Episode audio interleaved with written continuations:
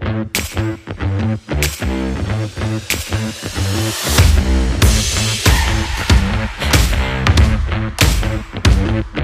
back. Sveiki, šiandien uh, labai džiaugiuosi mūsų laidoje turėdama ypatingą svečią, Dariu Vaičiulį, kuris yra daug kas. Ir kai kalbėjome, kaip pristatyti, tai na, aš surašiau bent jau penkis apibūdinimus skirtingus radau. Tai alpinistas, ekstremalių ekspedicijų rengėjas, keliautojas, verslininkas ir filantropas. Visas rytis, visose srityse Dariu esu mačiusi. Net nebejoju, kad jūs taip pat. Tai Dariu Ačiū, kad atvykot. Labai nekantrauju šiandien pasikalbėti apie visą tą drąsą, kurią turit sukaupę savį. Sveiki, klausytojai. Labas, Gedrė. Pabandykime. Nežinau, ar spėsime per valandą čia visą tai apie, apibėgti. Bet, taip, bet... taip. Na, turim keletą tokių pagrindinių klausimų, nuo jų pradėsim, bet jeigu matysim, na, kad kažkur labai, ar ne, tai tada jauskitės drąsiai papasakot.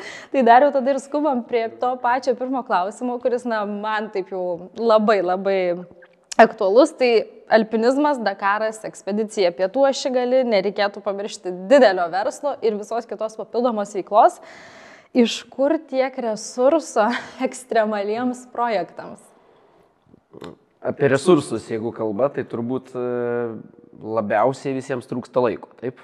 Tai natūraliai ir man. Tai manau, kad e, neriboja mus e, šiaip norai ar ar svajonė, svajonių turim įvairiausių ir, ir bandom jų pasiekti, bet labiausiai trūksta laiko. Ir laiko trūksta natūraliai visiems. Ir čia nieko su tom nepadarysi. Norėčiau, kad para būtų ne 24 valandų, o 36, tarkim. Norėčiau, bet matyt, matyt ir tada atsirastų daug visokiausių papildomų veiklų, kur, vėlgi gal pradėtum skaičiuotas minutės. Tai nu, turbūt natūraliai darai tai, kas tau labiausiai patinka, kažkaip pasirinkė prioritetus. Ir Ir kartais turi būti tam tikra tvarka gyvenime, nu, ką padarysi, reiškia, turi atsisakyti nereikšmingų kažkokių tai dalykų. Dėl to stengiuosi per daug nepaskesti skaitydamas žinias arba skaitydamas kitų postus socialiniuose tinkluose. Tai pavyksta stupyti, man atrodo, kokią valandą bent į parą. Kaip minimum. tai va iš tų valandų ir susideda papildomas kažkoks tai menuo, kurį gali skirti kažkam tai tokiai naujai kažkokiai tai veiklai arba pramogai. Ko dar teko atsisakyti, kad jau apie tai kalbam? Ne, nėra taip, kad aš kad, uh, turėčiau sąrašą ir turėčiau mm. išbraukinėti, rinktis dabar tik tai tai, kas man patinka arba ką, ką norėčiau nuveikti. Uh, Tai sunku atsakyti klausimą. Ne, ats, nieko neatsisakau, neatsisakau nieko, bandau spėti ir padaryti viską. Aišku, kartais kalendorijoje supuola, kad reikia ir plaukti laivu, ir važiuoti dviračiu, ir, ir plaukti kokią burlentę arba, arba dar milijonas kitų veiklų, tai tenka, tenka kartais pasirinkti. Dariau, aš e, nepamiršiu tuo atveju, kai trumpai išnektelėjom vieno Rotary renginio metu, kur jūs buvote ką grįžęs iš pietų ašigalio kelionės, pristatėt savo visas patirtis, e, kai kurios nuotraukos dar dabar prisiminus šokiravo. Ir paskui kažkaip aš jums uždaviau klausimą, ar nepritrūksta įspūdžių grįžus, na, čia ar ne, į tą mūsų tradicinį įprastą pasaulį iš tokio iš tokių neįtikėtinų patirčių ir visko. Ir jūs man pasakėt, kad kasdieniam gyvenime jums reikia na, daugiau drąsos ir, ir to atkaklumo būti. Ar galit papasakoti apie šitą? Nežinau, ar tai tiesiogiai susijęs su drąsa. Mhm.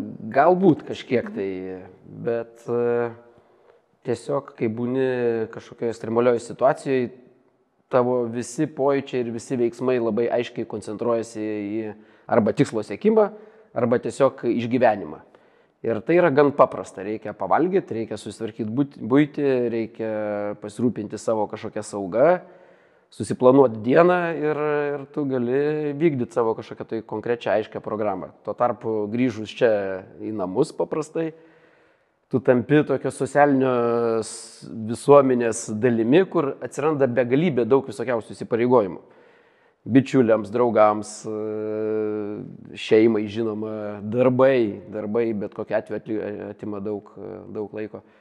Ir dėl to tas kompleksiškumas truputį pradeda varginti. Galbūt iš kitos pusės ir tos ekspedicijos mano arba tokie patyrimai atsirado dėl to, kad noras yra pabėgti kartais nuo nuo tokio kompleksiško ir sudėtingo gyvenimo, būtiško tokio.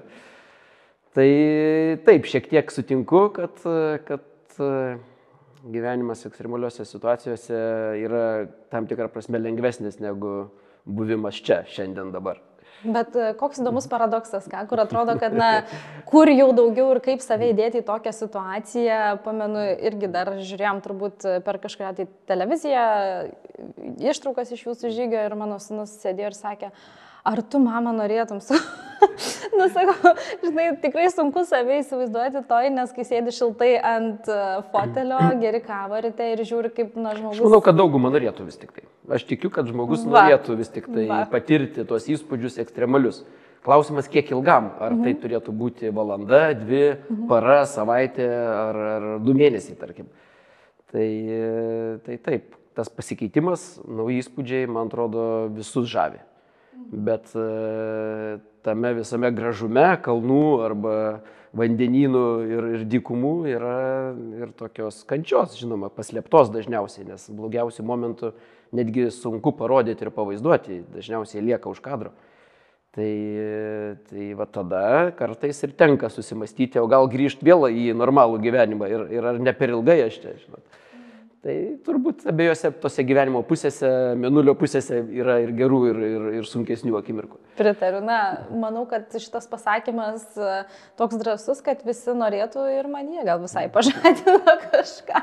Reikia bandyti. Reikia bandyti. Reikia bandyti. Dariau, e, apie tai turbūt ir na, kitas klausimas, kad drąsiai gyvenat ne vienas pats. E, ir jūsų aplinka, kiek supratau ir kiek teko girdėti, na, tiek artimieji, tiek pažįstami, tiek šeima kartu su jumis yra net keliavusi ne vieną ekspediciją ir įveikusi ne vieną drąsų uh, iššūkį. Kaip, uh, ar čia užkrečiama, ar jūs na, įtaka tokia, ar na, va, tie pasidalinimai, kaip, kaip įtraukėt artimuosius į visą tai, ką, ką darot pats? Ja, turbūt, kad nu, tam tikrą lyderystę taip kartais tenka imtis ir uh, kad ir bičiulių būry nu, iškelti dar vėliavą ir sakyti, nu, dabar be viso to dar padarykim kažką, tai extra mile kažkokį, dar užkopkim į kažkokį kalną, jeigu mes ten važiuojam dviračiais ar, ar kažkas panašaus. Tuo labiau šeimoje, tai tuo labiau mane šeima labai palaiko ir supranta. Ir mes turbūt su žmona pradėjom tokį pirmo, pirmasis tokias ekspedicijas kartu. Į Kilimandžarą teko lipti mums kartu prieš kokius 20 kelis mhm. metus labai senai. Mm. Tiesą sakant, tada žmona sakė, ne, man kalnų pakanka, skauda galva, daugiau nereikia, kiti, kiti, kiti dalykai ok, bet, bet aukšti, aukšti kalnai ne. Bet su sunumis mes e, esam irgi ir su vienu, ir su kitu išbandę aukštus kalnus ir jie su malonumu laukia dabar, kada kartu galėsime vėl kažkur tai išvaryti, nes, e, nu, kol kas jie moksleiviai, studentai, tai tai to laiko labai sunku išgaudyti e, kartu, pabūnant tokiuose ilgose žygiuose. Bet e, jiems atbrestant, augant, e, mes turim tam tikrų tokių slaptų planų, kur mes galėtume kažką tai kartu nuveikti. Tai taip, jie laukia starto laiko. Tai žodžiu, šeimos tradicijos yra taip pat ekstremalios. Kaž, kažkuria prasme taip. Kaip ir vat, grįžtam prie ankstesnio atsakymo, man atrodo, visi su mhm. malonumu mhm kviečiu, jungkitės ir, ir, ir varom, kad rytoj. Tai.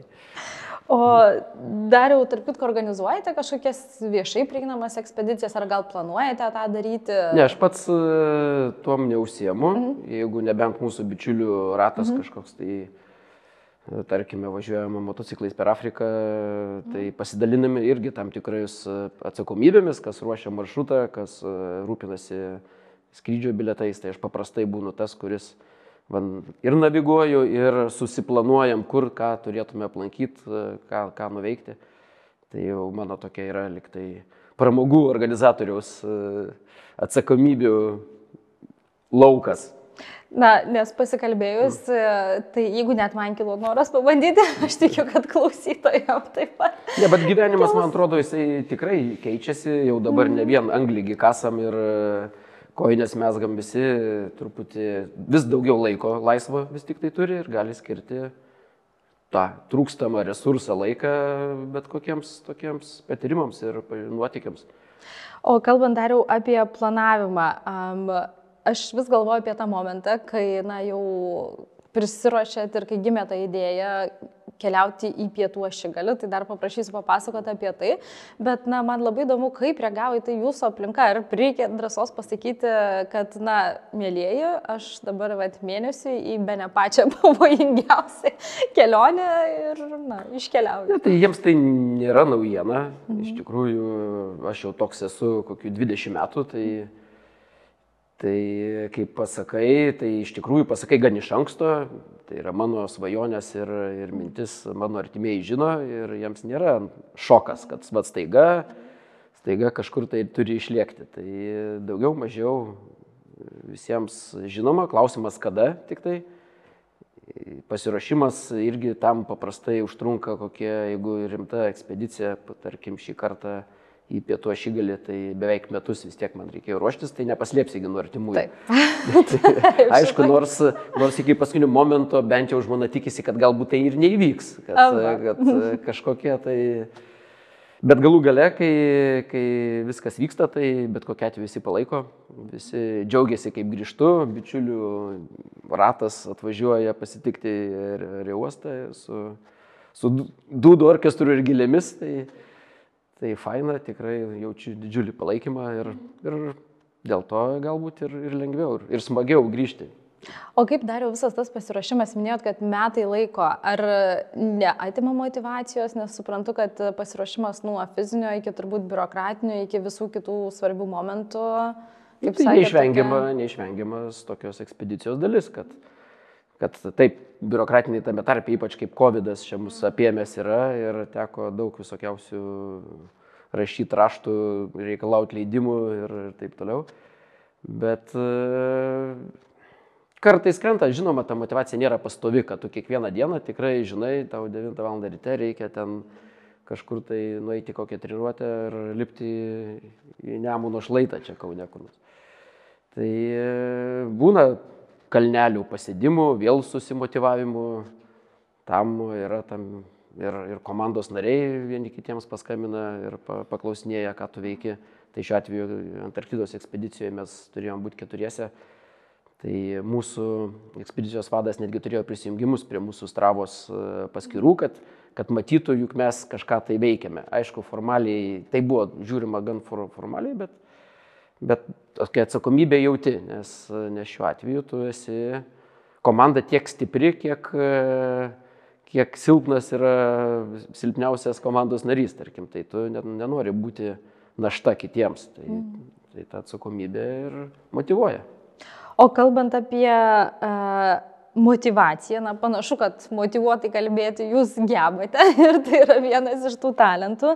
Kaip, kaip tai pastarnauja arba kaip tai atrodo tada, kai vat, reikia surinkti komandą, surinkti rėmėjus, nes na, vis tiek tai yra to, to, dažniausiai tokios didelės ekspedicijos, kurios pakankamai ir kainuoja ir, vat, kaip sakot, reikia labai motivuotų komandos narių. Kaip, kaip visą tai atrodo? Turbūt dažniausiai tokios ekspedicijos arba iš vis iššūkiai prasideda nuo, žinoma, komanda yra vienas svarbiausių momentų. Tai dažniausiai tai yra vis tiek vieni, vieni, vieni kitus pažįstantis, pasitikintis žmonės. Tai stipriai palengvina tokius iššūkių įveikimą, nes jeigu komanda visiškai svetima, tai, tai labai sunku tikėtis, labai sunku planuoti, nors iš kitos pusės blogas planavimas e, veda prie nuotikių. Tai, Jeigu viską idealiai suplanuotum, tai net ir pato, pačio nuotykio tokio kaip neliktų. Tai komanda turbūt, kad prasideda nuo to, kad pasitikė vieni kitais, žino savo silpnasias ir stipresias pusės. Turbūt geras pavyzdys ir mano su Antanu dalyvavimas Dakaro lenktynėse, kur mes stipriai kitokie žinome ir žinome savo silpnasias pusės kiekvienas ir, ir netgi savo partnerių. Tai stipriai palengvina ir bendrauti, ir nesusipykti tokiuose situacijose. Labai dažnai ekstremaliuose situacijose reikia to tokio tolerantiško požiūrio į, į silpnybės savo kitų komandos narių. Tai va turbūt e, toks, toks tas ir komandos formavimas gaunasi. Apie finansus kalbant, apie rėmėjus, galbūt jo čia visai kita dedamoji, nes paprastai tai vyksta prieš e, ekspedicijas arba kažkokias varžybas ar iššūkius. Tai irgi komandos nariai turi savų stiprybių, kaip, kaip pritraukti tam tikras lėšas.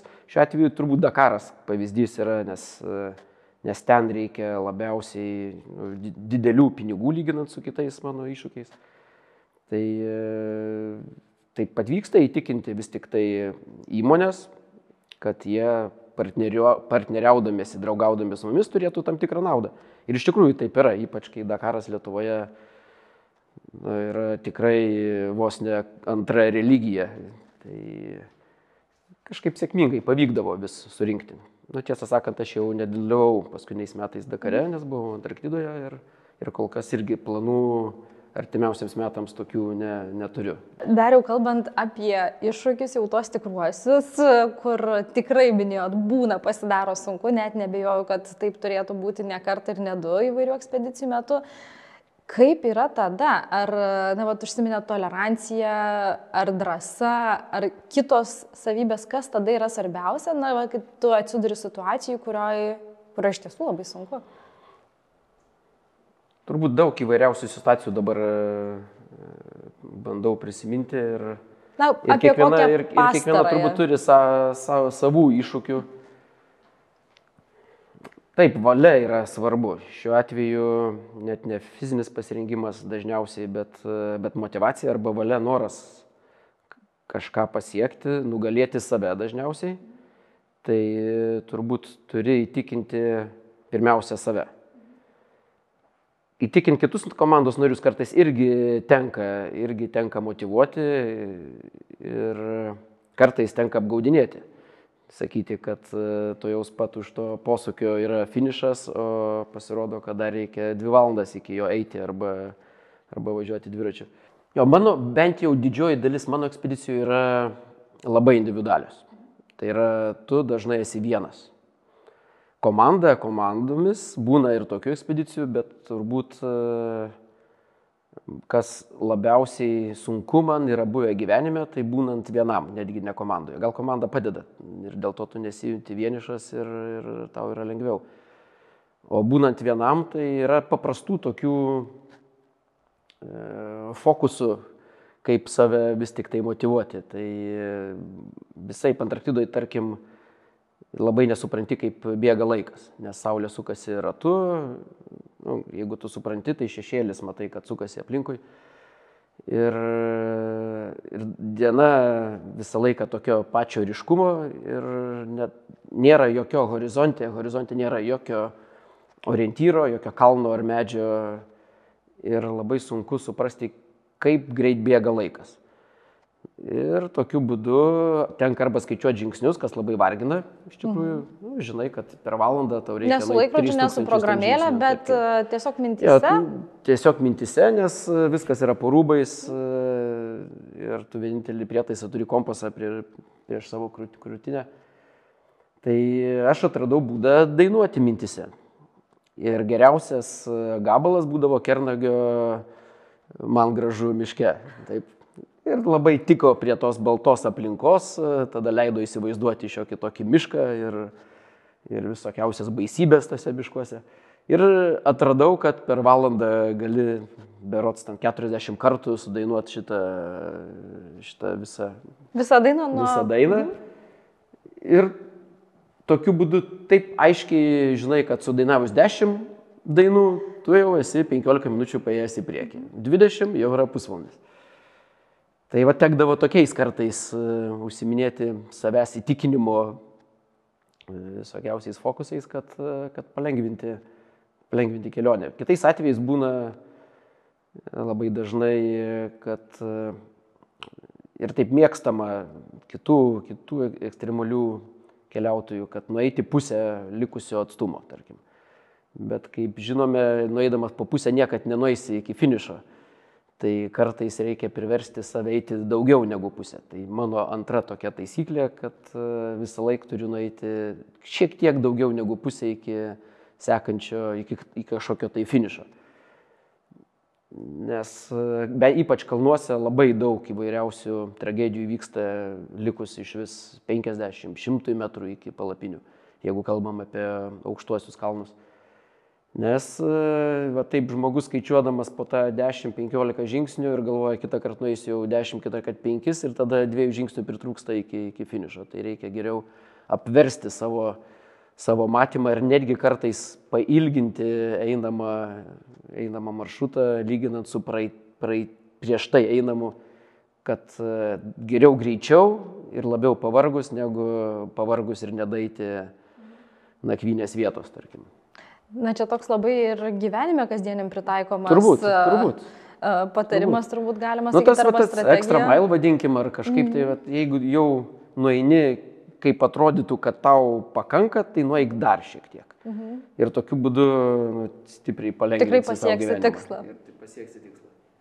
Ačiū už pasidalinimą. Na, manau, kad, na, bent jau aš dešimt pritaikymų sugalvoju čia, čia pat ir verslė, ir, ir visur kur, nes turbūt dažniausiai ir pritrūksta galiausiai valios, turbūt jėgų, net, net nebe drąsos, net nebe noro, turbūt net nebe motivacijos, ar ne, o tų. tų nes vat... drąsa tai čia toks yra toks bendras apibūdinimas, jo, nugalėti save, tarkim, tai yra tam tikra drąsa. Bet dažniausiai, nors ir skamba ekstremalūs tokie iššūkiai, bet drąsos ten nereikia. Tu pirmas dalykas, kuo rūpinėsi, tai sauga. Ir jeigu tu nerizikuoji tiesiogiai savo gyvybę šia, šiom žingsniu, tai reiškia, tu įsisprendėjai rizikas visas, susitvarkėjai ir, ir čia jau nebe drąsos reikia, čia tiesiog reikia vykdyti e, savo užsibriežtą planą. Mhm. O kaip dariau, kada, na, vat, vis klausau ir, ir smalsu darosi, kada jums gimė tas na, noras, tas poreikis įveikti save, ištestuoti save, nugalėti save. Čia gal ištingėjimo. Papasakokit, kaip tai, kaip tai atrodo. Bet kažkada tai tekdavo daug dirbti, tarkim. Ir paskui galvoju, nu kiek galima dirbti, nu taigi nu, tampa nebeįdomu, tokia rutina ir, ir tada reikia pabėgti tiesiog nuo šitos rutinos ir nuo darbo. Tai matyt, va tokia mintis, tokia generalinė, dėl ko kažkada tai E, teko susikrauti šmutkės ir, ir išvažiuoti į kažkokius tai kalnus arba, arba dykumas. Tai man atrodo, kad dėl to, kad nori vis tik tai pabėgti nuo rutinos ir dėl to, kad tingu tiesiog daryti tą patį per tą patį. Tai tada atsiranda iššūkis uh, kovoti su išgyvenimu.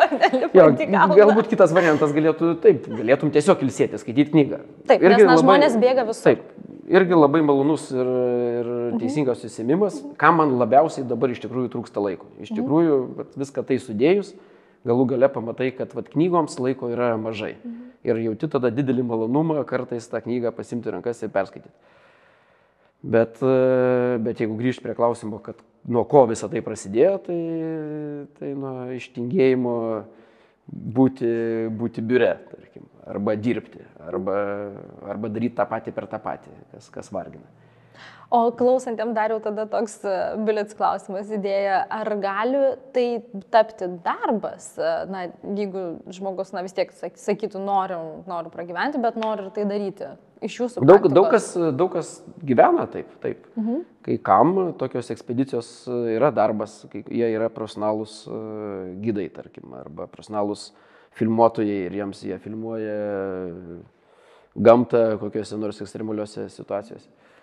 Kai kam darbas, e, jo, iš pradžių atrodo yra pramoga, bet paskui ypač jeigu, jeigu tu įsiveli į savęs viešinimo visokiausius reikalus, taip, į, į paramos ieškojimą, tai jau, jau tampa panašu į darbą. Ir tai vargina. Iš tikrųjų niekad, niekad nedarau, stengiuosi nedaryti. Kartais būna, kad tenka partneriams, partneriais dalintis tam tikromis žiniomis, informacija. Bet e, šiaip paprastai stengiuosi pabėgti nuo įsipareigojimų žiniasklaidai, visuomeniai, kaip man sekasi ir ką darau, nes, nes tada pradeda vėlgi varginti. Nepaisant to, esat gana viešas žmogus, ar ne, ir na, bet po kiekvienos... Turbūt tokios... ne visai savo norų iš tikrųjų. Mhm.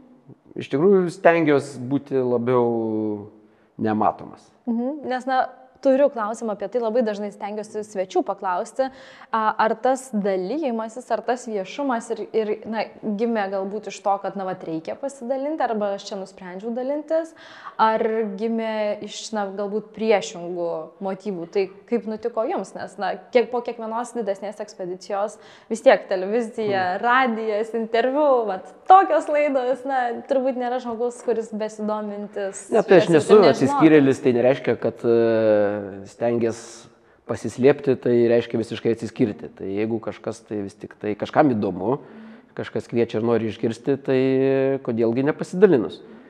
Bet uh, vat, specialiai pušinti savo tą, kiekvieną žingsnį man nelabai patinka. Jeigu jisai kažkas tikrai reikšmingo, taip, nu, pasiekė į polių, iškėlė ten Lietuvos uh, vėliavą, kurios ten netiek daug kartų ir yra buvę, tai tada smagu pasidalinti. Tai yra kažkas tai tokio pasiekimas, kurį jau, jau, jau smagu, kad visi pajaustų tam tikrą tokį, tokį malonumą, kad ir jų dalelė ten, ten yra. Bet kiekvieną dieną, kad čia skrendu lėktuvu, čia Čia gavau įvažiavimo leidimą įvykti į Čilę arba, arba nusipirkau naują ten kokius nors kuprinę, kuri ten man padės įveikti. E, tai aš tai tokiais dalykais smulkinom nesidalinu. Nematot vertės tame. Ja. O dariau, dar, na, jūs, kad ir ekspedicijų į Antarktidą turėjot labai kilnę misiją, tai padėti organizacijai padedančiai vaikams. Ir kaip na, jūsų toje kelionėje arba tose kelionėse atsirado dar šita turbūt papildoma tokia tolygiai didelė misija, ne tik tai garsinti Lietuvą, ne tik galbūt su vėliava nukeliauti, pramogauti. Iš tikrųjų, taip, lab, lab, labai džiaugiuosi, kad šis projektas e, pavyko mhm. ir, ir gelbėkit vaikus džiaugiasi bendradarbiavimu ir man tikrai padėjo ir padėjo net e, ne taip, kad kad dabar turiu apie ką papasakoti, bet e, fiziškai motivuojant save tam tikrų momentų pasvarštydavau apie tai, kad nu, vis tik tai esu vaikams pažadėjęs nunešti jų, jų pageidavimus, jų mintis iki, iki pietų ašigalio. Tai prie, padėjo priimti tam tikrus sprendimus kelyje, tikrai nuoširdžiai sakau. O kaip ta idėja iš vis kilo, tai Truputį visos toks ekspedicijos šiek tiek yra egoistiškas reikalas. Kaip sakiau, dažnai mėgstu būti vienas tokiuose ekspedicijose. Tai tu liktai atsiriboji nuo visuomenės, nuo pasaulio, tai yra brangu palyginus. Tu išleidi tam tikrus resursus ir daug kas klaustų, o kam visa tai?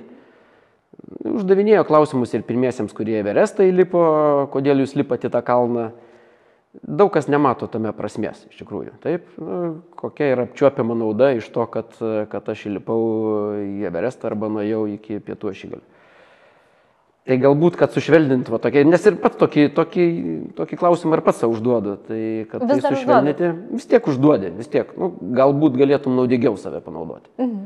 Galbūt galėtum užsiemti savo narystę ir padėti neįgaliesiems, tarkim. O tu dabar savo ambicijų tikslų įgyvendinimo tikslais, tu du mėnesius išvyksti ir tai, man atrodo, vat, tokia mintis vat, kažkiek tai padėjo man susitaikyti su tom, kad, kad galima ir taip. Ypač kaip šiuo metu iš tikrųjų ta sklaida tokios ekspedicijos gali, gali būti įdomi žmonėms. Žmonės, kaip sakiau, ne tik dirba, bet ir keliauja ir ieško įvairiausių uh, įvairiausių kitokių užsiemimų, tai buvo daug kas skaitančių mūsų mano pranešimus, mano žinutės ir tuo pačiu prisektas kvietimas padėti, padėti vaikams. Galiau galų gale surinko reikšmingą pinigų sumą ir už tai vaikai patirs e, tam tikrų įspūdžių ir, ir įgys papildomų žinių. Tai kad man pačiam tikrai buvo smagu ir paskui aplankyti pačius vaikus, vėl matyti jų veidus, kaip, kaip jie tikrai e, pamatė nufilmuotą video, kad jų tą vėliavą, kurie patys pasirašinėjo, du mėnesius keliavo iki pietų ašigalio ir grįžo atgal, tai, tai tikrai buvo faina ir, ir linksma visiems. Ir jeigu, tikrai, ir jeigu dar kažką panašaus darysiu, tai tikrai planuoju tęsti tokią veiklą. O kaip dariau vaikai žiūri, na, paprastai sako, kad vaikai labiau bebaimiai ir labiau su drąsa eina į tą pasaulį, na bent jau kol nenudrasiname mes jų kažkurio gyvenimo momentu.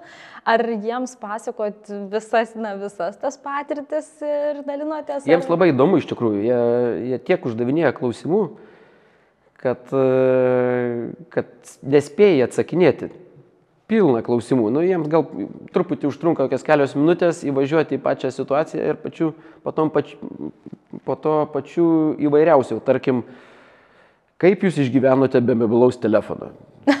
Va tokie. ir, ir žiūri su tokiamis akimis, kad, nu kaip galima du mėnesius išgyventi be mobilaus telefono. Mhm. Ir papasakoju, kad įmanoma. Ir, ir kaip dar užgyveno be mobilaus telefono. Nebuvo taip, kad aš visiškai be mobilaus telefono turėjau ten tokį e, komunikatorių palidovinį, kuriuom vis tiek žinutės reikėdavo kartais atsiųsti. Bet, e, nu, taip ir išgyveni. Dainuodamas kernagį. Paprastuoju būdu, išgyvenimo būdu. Ir dabar prisiminiau kažkodėl tai, nu, ir mano sūnui buvo penki metai, mes į žygius irgi pradėjome vaikščioti, dėl to klausėt, ar vaikams, pavyzdžiui, sunku tokie iššūkiai. Tai turbūt, kai ne visiškai bijai, kol, kol tu nebijai, kol galbūt, net, nes nenorėčiau sakyti, nesupranti, kas bus e, ateityje, bet, bet tiesiog nuoširdžiai nebijai būsimų iššūkių, tai tu gali nueiti beliekiek. Tai tuo metu penkiametis mano sunus kartu su manim, mes per parą nuėjom 50 km Penkių metų. Ir jam buvo penki metai. Atrodytų, kaip gali penkių metų vaikas įveikti tokius atstumus. Taip.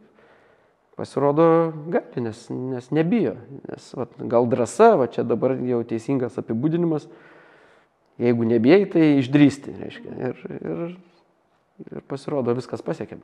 O kaip manot, arba gal pastebėjo tiek savo vaiko augime, tiek na, tiesiog būdamas tarp panašiai drąsių žmonių, kada pradeda sviruoti vis tik tai ta drąsa, kada įsijungia baimės ir, ir na, kada tampame kur kas atsargesni. Turbūt kaip pradeda pasimetinėti tarp prioritetų žmogus, nesugeba pasirinkti. Šiuo atveju labai taikoma ir man, nes aš irgi tiek tų veiklų siemu, kad, kad kartais patenki tokį sustingusią būseną, tiek daug pasirinkimų, tai gal geriau darysiu nieko. Vat, Nebūna tokios situacijos. Man vat, kartais toks jausmas įvyksta, kad ir ten, ir ten, ir ten, ir ten, trečia, ir, ir galiausiai žiūri, kad tu nieko neveiki tuo momentu. Aš, aš esu prisitaikiusi savo na tokį labai irgi būna, nes na, jaučiuosi laiminga galėdama ir tiksliau turėdama resurso daug norėti, bet to resurso tai vidinio turiu omeny, kad na, nedingsta tie norai, tai čia labai smagu.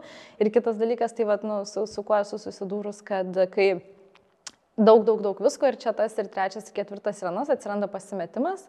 Tai kažkada perskaičiau labai teisingą frazę, kad na, jeigu viskas yra savo vietos, reiškia per lietai judi. Tai aš savo šitą prisitaikiau ir dabar savo pasakau, kad jeigu kažkur okay. Nu, taip labai, labai, labai panašus skamba. Taip. Pasimetimas. Tai čia tikrai nesusiję nei su amžiumi, nei su galimybėmis. Vieni žmonės va, bėga, verčiasi per galvą ir kažką tai daro o kiti paralyžiuoti nuo galimo pasirinkimo ir bijo priimti sprendimus. Nors visi, man atrodo, nori ir žada, ir savo įsipareigoja, ir, ir mes visi esame ir stiprus, ir silpni, ir visi turime tokių akimirkų, kai esi paralyžiuotas ir lieki nieko nenuveikęs tą dieną. Ir tada būna pikta, negerai, tušiai praleistas laikas. Ir Nu, bet ką padarysim, taip tokie esam. Nu, nesamgi visą laiką tokie patys ir vienas su kitais ir pats su savimi. Ir visą laiką keitiesi ir nuotaikos viruoja, visko būna. Nesam. O kaip dariau, manot, ar reikia ugdyti daugiau tos drąsos, ar galbūt, na, va, aš klausau ir dabar man nebedingsta ta mintis, kad pabandyti save tokioj situacijai pasižiūrėti, gal čia galėtų būti net toksai kaip asmenybės auginimo procesas. Aš manau, kad taip, tai ir to siekiama, iš tikrųjų, man atrodo, kad nežinau, ar tai yra kažkaip tai organizuotai kažkokia programa, kad nu, užimtumo įvairiausios programos vaikams, tarkim, taip, nu, tai jos egzistuoja, yra bureliai, yra pasirinkimo galimybės, yra nuo, nuo menų iki sporto rinkis, taip Kodėl vėliau galbūt kažkiek sumažėja, nu, va, ta rutina įsipareigojimų, toks tarki, tarsi, tarsi kibras ant galvos užsėda ir tu matai tik tai savo atsakomybės. Ir pamiršti tada apie save galvoti arba visuomenės spaudimas, kad gal tu per didelis egoistas būsi, jeigu tu tik tai rūpinsi savimi. Nors galbūt čia teisingiausias požiūris, per, per save tu padėk kitiems. Ne? Jeigu tau bus gerai, tai galbūt ir visi bus laimingi. Tai vad nežinau, kodėl tas paralyžiavimas, kai, kai kada įvyksta kiekvienam gyvenimo etape galimas ir, ir ar su tom reikia kovoti ar pra, pragyventi, Gal nežinau. Ir ar tai reikia kažkaip specialiai masažuoti, nežinau. O kaip yra dariaus, nes, na, vad galvoju, e, vis dar liekant prie tos temos, kada, kada nustojame na, būti tokie drąsūs, tai na, vat, pagalvojau apie, turiu aš tris vaikus ir vat, dabar, na, jeigu ir jie pradėtų ruoštis į kažkokią ekstremalią ekspediciją, tai turbūt na, natūraliai visų pirma įsijungia tie kažkokie savisaugos, saugos instinktai, baimės ir visa kita. O kaip, na, tada šitoj vietoj, kiek saugus mes galime būti tai darydami ir tuo pačiu na išdrysti perlipti per save. Mūsų galimybių ribos dar tiek toli yra nuo mūsų, mano supratimu, kad e, tokios virtualios baimės, taip jos stabdo arba paralyžiuoja tave, arba patei, tu pasiteisini, kad, nu, tarkim, Nes, na, žiemą, žiemą pernakvoti palapiniai, čia yra kažkas tai tokio jau rizikingo gyvybei. Nieko nėra rizikingo. Na, tai, nagi, krenta žmonės. Ne, paprasčiausiai išeini į, į, į šilą žiemos metu kaip minus 20 ir pergi, pernakvoji palapinėje žiemos metu. Atrodytų, kad kažkas tai baisaus. Nieko nėra baisaus, tink, tinkamai apsirenk ir bus smagu, linksma ir tu nieko ten nenušalsi ir pamatysi, kad tavo tos galimybės pasirodo yra daug, daug toliau. Tai kad čia tokios virtualios baimės e, nebijokime. To, aišku, yra kažkokia riba, kurios peržengti vis tiek negalima. Na jo, negali nuo devinaukščio nušokti ir tikėtis, kad, kad laimingai visą tai baigsis. Nu, tipo, noriu išbandyti, ne. Reiškia, kažkokios tai ribos egzistuoja. Bet žingsnis po žingsnio, jeigu jau iššokti iš pirmo aukšto, galima gal šokti iš antro. Nebandykit namuose. O dariau apie, apie ribas, apie tą saugumą ir apie nuotikius. Užsiminėt pokalbio pradžioje, kad kai kada net ne viską galbūt suplanuojat. Tai kiek tokių tenka patirti ir kiek, kiek tų ribų išbandot tokių kelionių? Man patinka, jeigu tokios labiau turistinės kelionės, mhm. tai patinka neplanuoti. Mhm. Žinoma, kažkoks tai generalinis planas egzistuoja, bet, bet jau ne vieną kartą ir kitur esu sakęs, kad man patinka problemos ir, ir tų problemų sprendimas. Labai drąsus pareiškimas. man tai gyva ir, ir smagu. Iš tikrųjų, tada, tada daug įdomesnis tampa gyvenimas. Aišku, daug sudėtingiau, kai tu keliauji su šeima, pavyzdžiui. Ir arba su dideliu būriu draugų, draugų, tai tada planavimas jau tampa privalomas, bet, bet jeigu tu vienas, tai irgi visą laiką rasi, kaip išgyventi, kur pernakvoti ir, ir ką pavalgyti ir kokiu transportu nuvažiuoti iš taško A į tašką B. Tai tas neplanavimas. Ir va čia turbūt ir tada minėjau, kad nuotykiai prasideda tada, kai nėra planavimo. Ir čia, man atrodo, pasakęs yra Amonsenas, jeigu, nesukly, jeigu neklystu, kuris pirmasis pietų ašigalį ir, ir pasiekė. Tai reiškia, jeigu tu realiai viską suplanuoji, tai to nuotykio tampa mažai. O kokių nuotykių patyrėt, na tarkim, Antarktidai? Viskas gan gerai buvo suplanuota. Tai nuotykius, Čia nebuvo ta kelionė. nuotykių sunku kalbėti, žinoma, tokio Antarktido nesuplanuosi orų. Tai ir mūsų atveju nu, nu, nuotykis tokia beveik nesibaigęs tragedija, tai buvo mūsų kompaniono piršto nušalimas kuris iš principo pakeitė mūsų, mūsų ekspedicijos eigą tolesnę. Tai mums reikėjo truputį laukti, tada laukti, kol evokavo mūsų bičiulį. Tai, tai tokio dalyko nesuplanuosi, bet galų gale nu, jisai iš principo nieko nepakeitė, mes nuotikį patyrėm. Taip, nenuėjom viso atstumo savom kojomis, teko gabaliuką praskristi lėktuvu, bet, bet tas pojūtis, kad, kad pasiekiai, ne, ne, ne pojūtis, realybėje vis tiek pasiekėm pietų ašigalį. O dar jau, na, vad, kai atsitinka kažkoks toks nenumatytas atvejis, ne, negimsta, na, viduje ta baime, kad, na, o gal ir man gali panašiai nutikti, arba o, kas, o kasgi dabar bus, jeigu taip ar naip ar trečiaip. Gali, tai rizikos valdymas šiuo atveju irgi, kas verslė, tai turbūt kažkiek tai supranta, taip turi apmastyti, iš mintise prasukti tuos galimus scenarius. Ir tai padeda, aišku, nebūtinai tu tos patirties turi, gali kreiptis į kažką tai, kas yra susidūręs, tai, tai žinoma, šaltis vėjas, dar kažkas, tai šiuo atveju, jeigu kalbam apie Antarktidą. Ir nušalimas yra viskas aišku, tu nepasiruoši tam, kad nukris ant tavęs meteoritas. Na, nu, kaip tu gali nuo to pasiruošti? Tam e, to scenarijaus ir neprasukinėjai, kaip išgyvensi.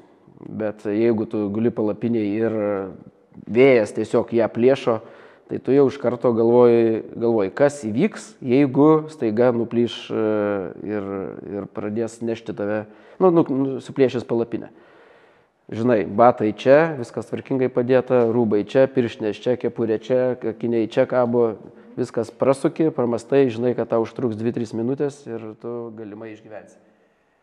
Žodžiu, lokalių situacijų valdymas čia ir dabar. Jo, turi, turi prognozuoti, turi planuoti ir, ir jeigu prasuki ir sakai, okei, okay, o kodėl dabar neprisimenu, kur yra mano pirštinės, Tai tada atsikeli ir pastikrini, kur yra pirštinės, kad nereikėtų jos ieškoti ten 20 e, sekundžių. O tam galėtum tiesiog kartais tamsoj, nu ne Antarktidoje, bet kalnuose tamsoj pagriepti tai, ko tau reikia tai konkrečiai akimirkai. Aišku, tai irgi, nu, tam nėra galo, tam atrodytų, kad gali čia kiekvieną smulkmeną prasukinėti, bet, bet toks pasirašymas mintise, įsivaizdavimas blogų situacijų padeda su juom tvarkytis paskui. Na, labai vertingas įgūdis ir labai patiko ta, ta dalis, kad dabartinių situacijų, ne projektuoti į priekį, nes, kaip sakėt, negali žinoti, kas bus už šimto kilometrų ar už metų ar už mėnesio netgi, bet kas yra čia ir dabar. Nes turbūt dažniausiai ir pragyvenam savo mintysę, baimėse, būtent tose projekcijose, kurios dažniausiai nevyksta. Jo, tai daž... aš tai miniu, miniu, taip, miniu apie tas tokias momentinės situacijas, bet aišku, jeigu ekspedicija vyksta ten mėnesį, tai tu turi žinot, kas ir vyks už mėnesio. Tai yra, jeigu tau reikia maisto 35 dienom, tai tu turi turėti maisto 35 dienom. Ar yra ko bijo Darius Vaičiulis? Taip, aš labai bailus. Taip. Papasakoti dariau, nes nepatikėjau iš pirmo. Ne, aš bailus to, ko aš nemoku daryti. Iš tikrųjų, aš labai atsargus, nes tarptų mano potyrių yra tokių, kuriuose aš esu toks naujokas arba tiesiog nu, bandytojas, tarkim, amberseilų plaukimas kokiuose nors varžybose, regatoje kokioje, arba krosinių motociklų važiavimas per kokiam, kokiuose nors sunkioje aplinkoje, ko aš nesu įvaldęs visiškai, tai man baisu ir baimė dažniausiai kausto. Bet dar. Darai po truputį, ne, neperžengdamas tam tikrų savo galimybių ribų. Tai ta baimė mane yra ir gerų, ir blogų. Tos baimės, kaip minėjau, baimė kausto dažnai ir kartais sunku priimti sprendimą, bet uh, Bet baimė, nu, tas bandymas, jo bandymas bet kokiu atveju tokių naujų patirčių su ta baime padeda kovoti. Bet čia, šiais atvejais dažniausiai yra tie, kurie tau padeda. Kaip, kaip kur nors kalnuose arba, arba ten važiuojant dviračiu kažkur, tai aš galiu gal padėti kitiems, taip, taip plaukiant būriniu laivu, man padeda mano stipresni bičiuliai ir jie jau yra mano mentoriai ir sako, tu daryk taip, tu neskubėk, tu viskas tvarkoji, čia greit visą tai baigsis, tarkim. Visokiausių formų būna. Bet jūs žinot, kad jie taiko tas pačias taktikas, kai sako, taip, taip, kad jau turbūt, už, turbūt. už kampo suksime, o dar iš tikrųjų.